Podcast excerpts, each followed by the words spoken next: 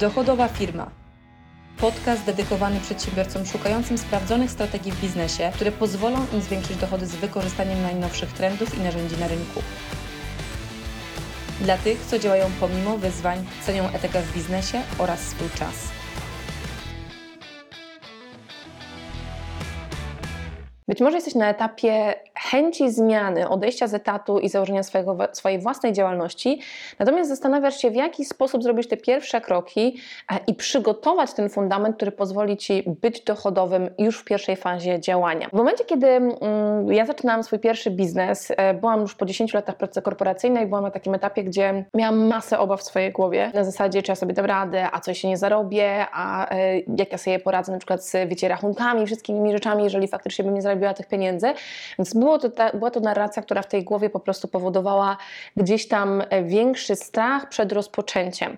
Bo faktycznie nie wiedziałam, jak te pierwsze kroki wykonać właściwie. Miałam pewne założenia, wydawało mi się, że rozumiem, ale nie miałam pewności. Teraz jestem osobą, która po wielu, wielu latach ma zbudowaną już serię biznesów, więc to, czym chcę się z Tobą dzisiaj podzielić, jest ewidentnie z doświadczenia budowania wiele razy firm, które startowały de facto od zera i które e, były w stanie zarabiać już e, na przykład w pierwszym miesiącu, e, tak żeby faktycznie ta, to działanie było dochodowe. Ale pokażę Ci jakby totalnie od samego zera, od czego powinieneś faktycznie zacząć, jeżeli dzisiaj nie masz ogromnego kapitału, nie masz nie wiadomo jakich zasobów czy doświadczenia i potrzebujesz po prostu e, wiedzieć, na czym się skupić, żeby nie tracić czasu na niewłaściwe działania, bo łatwo również pogubić się po prostu w robieniu wielu rzeczy, które nie dają efektu. Pierwsza rzecz, na której się powinieneś, e, czy powinnaś skupić, to przede wszystkim zdecydowanie poświęcenie czasu na zweryfikowanie tego, do kogo faktycznie będziesz kierował tą ofertę, jak również jaka ta propozycja będzie. E, I to jest jeden z takich najczęstszych błędów, które robią osoby, nawet czasami wiecie, startujące drugą czy trzecią firmę, że próbują iść zbyt szeroko i faktycznie poświęcają zbyt dużo czasu na e, pozyskanie klienta, bo, komunikacja jest zbyt rozbyta, zbyt szeroka i nie dociera do dużej grupy docelowej, czy do właściwej grupy docelowej.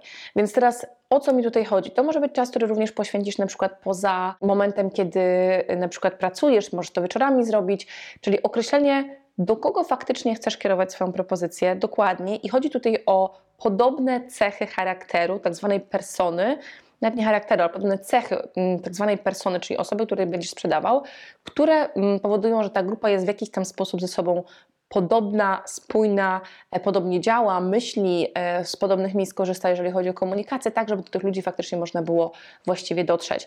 I teraz na przykład, jeżeli startowałabyś, powiedzmy, biznes, który byłby związany z usługami i powiedzmy, że to byłyby usługi związane na przykład z fizjoterapią, to równocześnie można by było tak naprawdę do wszystkich to kierować, albo wybrać sobie konkretną grupę, która ma konkretne schorzenia, czy konkretny jest po konkretnych dolegliwościach i te dolegliwości na przykład adresować, żeby to była wystarczająco duża grupa, ale już mocno specyficznie wyłonić się na tle całej reszty osób, które do tej grupy chcą dotrzeć. Czyli pierwsza rzecz to jest zawsze określenie kto, jak również określenie tego, czy to, co dla tych osób faktycznie chcesz przygotować, będzie adekwatne czy nie.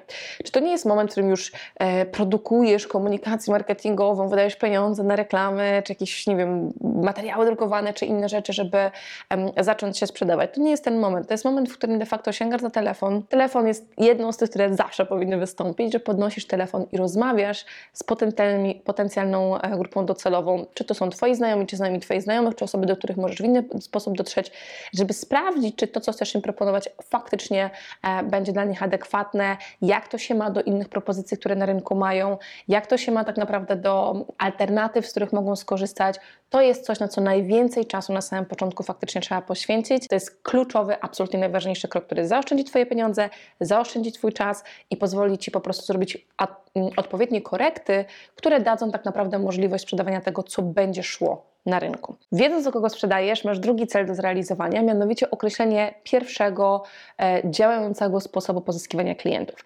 To, w jaki sposób możesz pozyskiwać klientów, to jest w ogóle jeden z moich takich mm, koników, bo ja bardzo lubię e, sprzedaż, zarówno online'ową, jak i jeden na jeden. To są tematy, które kocham i przez lata miałam okazję wypracować e, wiele metod docierania do klienta, natomiast wiem, że nie ma sensu na samym początku budowania firmy, abyś działał czy działała w taki sposób, że będziesz miał milion różnych metod pozyskiwania klienta, bo ilość czasu, którą masz w ciągu doby jest ograniczona, nie masz jeszcze dużego zespołu, więc trzeba się zdecydować tak naprawdę na zweryfikowanie może dwóch, trzech typów e, działania i określenie tego, z jakim typem ruszasz, który zadziałał i który e, po prostu szlifujesz do perfekcji, żeby on faktycznie e, ci tych klientów przynosił i na nim się skupiasz w pierwszej fazie, nie próbując łapać 50 srok za ogon, bo to spowoduje dużo wysiłku i małą skuteczność. Jedna rzecz doszlifowana do maksa będzie po prostu ci już dawała bardzo fajne wyniki w pierwszej fazie, zanim zaczniesz rozszerzać sposoby pozyskiwania klientów, czyli wybranie jednego kanału i mocne ruszanie z tym jednym kanałem. Następnie trzecia rzecz, którą potrzebujesz, i to jest rzecz już nie bezpośrednio twarda wiedza biznesowa, ale jest to cholernie kluczowy czynnik, mianowicie Twoja wiara w powodzenie.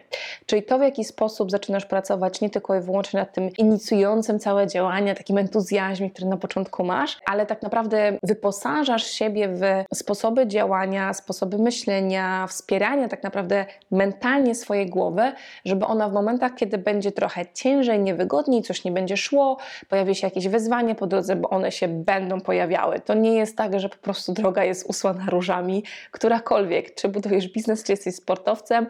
Każdy sukces jest określoną drogą sukcesów i wyzwań, które są potrzebne, abyśmy pewne lekcje odrobili, czy pewne rzeczy odkryli, nauczyli się, ich zrozumieli, więc jest normalne, tak? I do tego faktycznie potrzebna nam jest taka, ja to nazywam mocno zbudowana psycha, czy dobrze zbudowane to, co w głowie mamy, żebyśmy byli w stanie utrzymać tą wiarę cały czas na bardzo wysokim poziomie i dopasowywać do tego, co nam po prostu rzeczywistość przynosi, żebyśmy byli w stanie mm, na to właściwie reagować e, z chęcią szukania rozwiązania, a nie z chęcią po prostu, wiecie, pograżania się, czy wiesz, takiego pograżania się po prostu, o Boże, dlaczego ja biedna, czemu mnie to spotyka i tak dalej. To jest cholernie ważne, więc mówię, dobry start ma wiele ludzi, ale niestety wiele osób odpuszcza, ponieważ nie myśli o tym aspekcie, a to jest tak samo ważne, jak konkretne schematy działania takiego twarde, takie twarde biznesowe, jak po prostu konkretnie działać.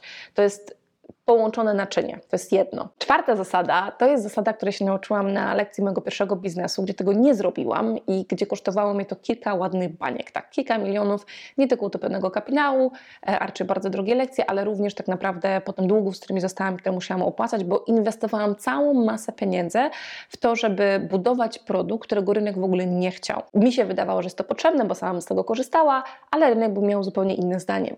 Więc to, do czego Cię zachęcam, i to jest praktyka, którą e, z każdym kolejnym e, biznesem, co się sprawdza, zarówno w usługach, jak również w jakimś e, software'ze czy innych produktach, które wymagają pewnych nakładów, żeby produkt zbudować, to jest zasada najpierw sprzedaj, potem zrób. Oczywiście tutaj potrzebujesz mieć plan, czyli pewne założenia przyjęte, sprawdzone, w jakim czasie możesz to dostarczyć, co możesz obiecać klientom, co będzie musiało być potrzebne, żebyś to dostarczył, co sprzedajesz. Natomiast ja nigdy od tamtej pory nie robię dużych nakładów, ani czasowych, ani pieniężnych w tworzenie czegoś, co nie wiem, czy rynek faktycznie przyjmie. Czyli najpierw sprzedaję, mam plan, kiedy to dostarczę. W taki sposób też to sprzedaję, że to jest jasne dla klienta, więc jestem też fair w stosunku do tego, co obiecuję, a następnie jestem w stanie to wykonać po prostu w tym określonym czasie. Jak kiedyś sprzedawałam software, to byłam w stanie nawet 4 miesiące osoby czekały na software, gdzie w ciągu pierwszego miesiąca dostali materiały edukacyjne, które były związane z o tym oprogramowaniem, a oprogramowanie weszło dopiero za 4 miesiące. Ale kapitał był zebrany wcześniej i rynek dał nam informację zwrotną, że jest to dla nich potrzebne. Tak więc więc e, pamiętaj o tym, że ta zasada to jest absolutnie mądra, bardzo mądra zasada, która pozwoli Ci po prostu sporo czasu i znowuż pieniędzy zaoszczędzić na niewłaściwe po prostu działania i rozwijać po prostu to, co robisz razem z rynkiem, e, mając pewne założenia, ale też patrząc, co się na rynku po prostu przyjmuje. I piąty krok, który również jest potrzebny, to mówię Ci w kolejności, jakbym to robiła, tak? Bo to jest krok, który wywodzi się bardziej też jakby z tego, że dla mnie to jest jasne, że to musi być, ale zauważam, że dla wielu przedsiębiorców, nawet działających już jakiś czas, wcale to nie jest jasne. Nie robią po prostu konkretnego planu finansowego.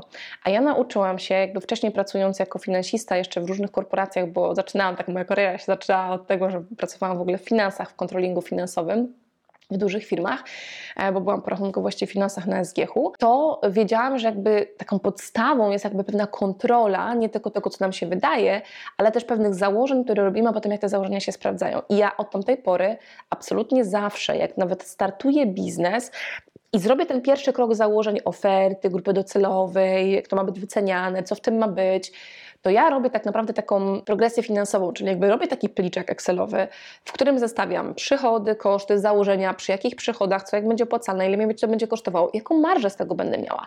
Bo powiem Ci, że czasami po prostu ja aż się łapię za głowę, jak patrzę, jak dużo przedsiębiorców robi coś, wkłada tyle serducha i tyle wysiłku w budowanie swojego biznesu, który w ogóle nie jest marżowy, czyli w ogóle nie daje im zysku, daje im przychód, ale te koszty zżerają tak naprawdę większość, bo nie jest to dobrze wykalkulowane, nie jest to monitorowane, nie jest to sprawdzane, nie ma tych założeń zrobionych początkowych i potem się okazuje, że po prostu nie wiem, na harówę, którą ten przedsiębiorca wkłada, realnie wydaje mu się, że on zarabia, bo jest przychód, ale nie zostaje mu zbyt dużo tak naprawdę zysku, czyli pracuje, można powiedzieć, prawie że za darmo, albo tylko pracuje po to, żeby pracować. Więc no trochę nie o to chodzi, tak? Bo jak już pracujesz i budujesz coś swojego, to chcesz, żeby to dawało ci zyski, żeby ci dawało to dochód, żeby dawało ci to pieniądze, z którymi możesz zrobić to, co ty chcesz, a nie, że musisz pokryć koszty przygotowania tego i wychodzisz na zero, a czasami nawet ludzie wychodzą na minus, tego nie widzą.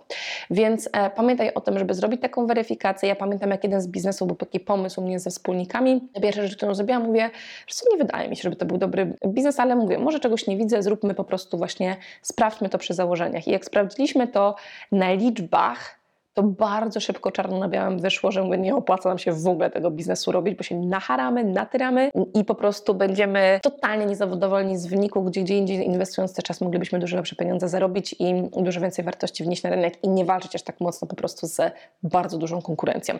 Więc pamiętaj, plan zrób finansowe przychody, koszty, ile ci z tego zostaje, zrób te założenia i potem nie tylko założenia początkowe, ale monitoruj, jak to faktycznie wygląda, bo to ci da całą masę wniosków i często nawet bardzo dobrych decyzji, co trzeba zmienić w biznesie. Szósty krok, do którego Cię bardzo mocno zachęcam w dzisiejszych czasach, to jest budowanie Twojej marki osobistej w przynajmniej jednym kanale w mediach społecznościowych. Nigdy nie zachęcam, żebyś pięć kanałów naraz otwierał, albo dwa czy trzy.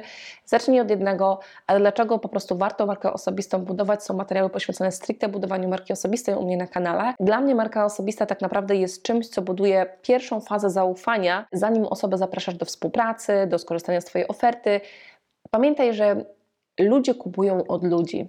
I to się przez lata nie zmieniło. Nawet przed Facebookiem, przed Instagramem, TikTokiem i całą masą innych rozwiązań mediów społecznościowych też to była ta zasada, że ludzie kupują od ludzi i ludzie ufają ludziom. To, co dzisiaj masz i to, co daje nam tak naprawdę ta technologia e, internetowa, to daje nam możliwość dotarcia naraz do więcej niż jednej osoby. Kiedyś to było spotkanie fizyczne, potem to był telefon, potem może jakieś takie reklamy drukowane, ale wciąż tak naprawdę nie było na przykład tych drukowanych takiej interakcji personalnej, którą możemy mieć w momencie, kiedy to jest wideo, kiedy można wejść w komentarze, nie trzeba jechać na spotkanie, można po prostu zacząć budować tą relację w interakcji e, jeden na jeden nawet, albo jeden do wielu na początku, a potem dalej kontynuować ją jeden na jeden, zanim klient staje się Twoim, e, potencjalny klient staje się Twoim klientem. Więc pamiętaj o tym, że to jest fenomenalna metoda, którą warto wykorzystywać. Nigdy nie jest za późno. Ja uważam, że nawet jeżeli masz takie myślenie, kurczę, już tyle osób faktycznie buduje te marki osobiste, na przykład w mojej branży, czy jest sens, żebym ja zaczynał? Oczywiście, że tak. Dlatego, że ta osoba, która będzie rezonowała z Tobą, będzie z Tobą rezonowała, a na przykład nie z kimś innym. Ludzie rezonują z ludźmi, więc każdy moment jest dobry, żeby zacząć. Klucz jest taki po prostu, żeby rozumieć, jaka jest zasada, jakie są zasady gry na danym, e, w danym kanale.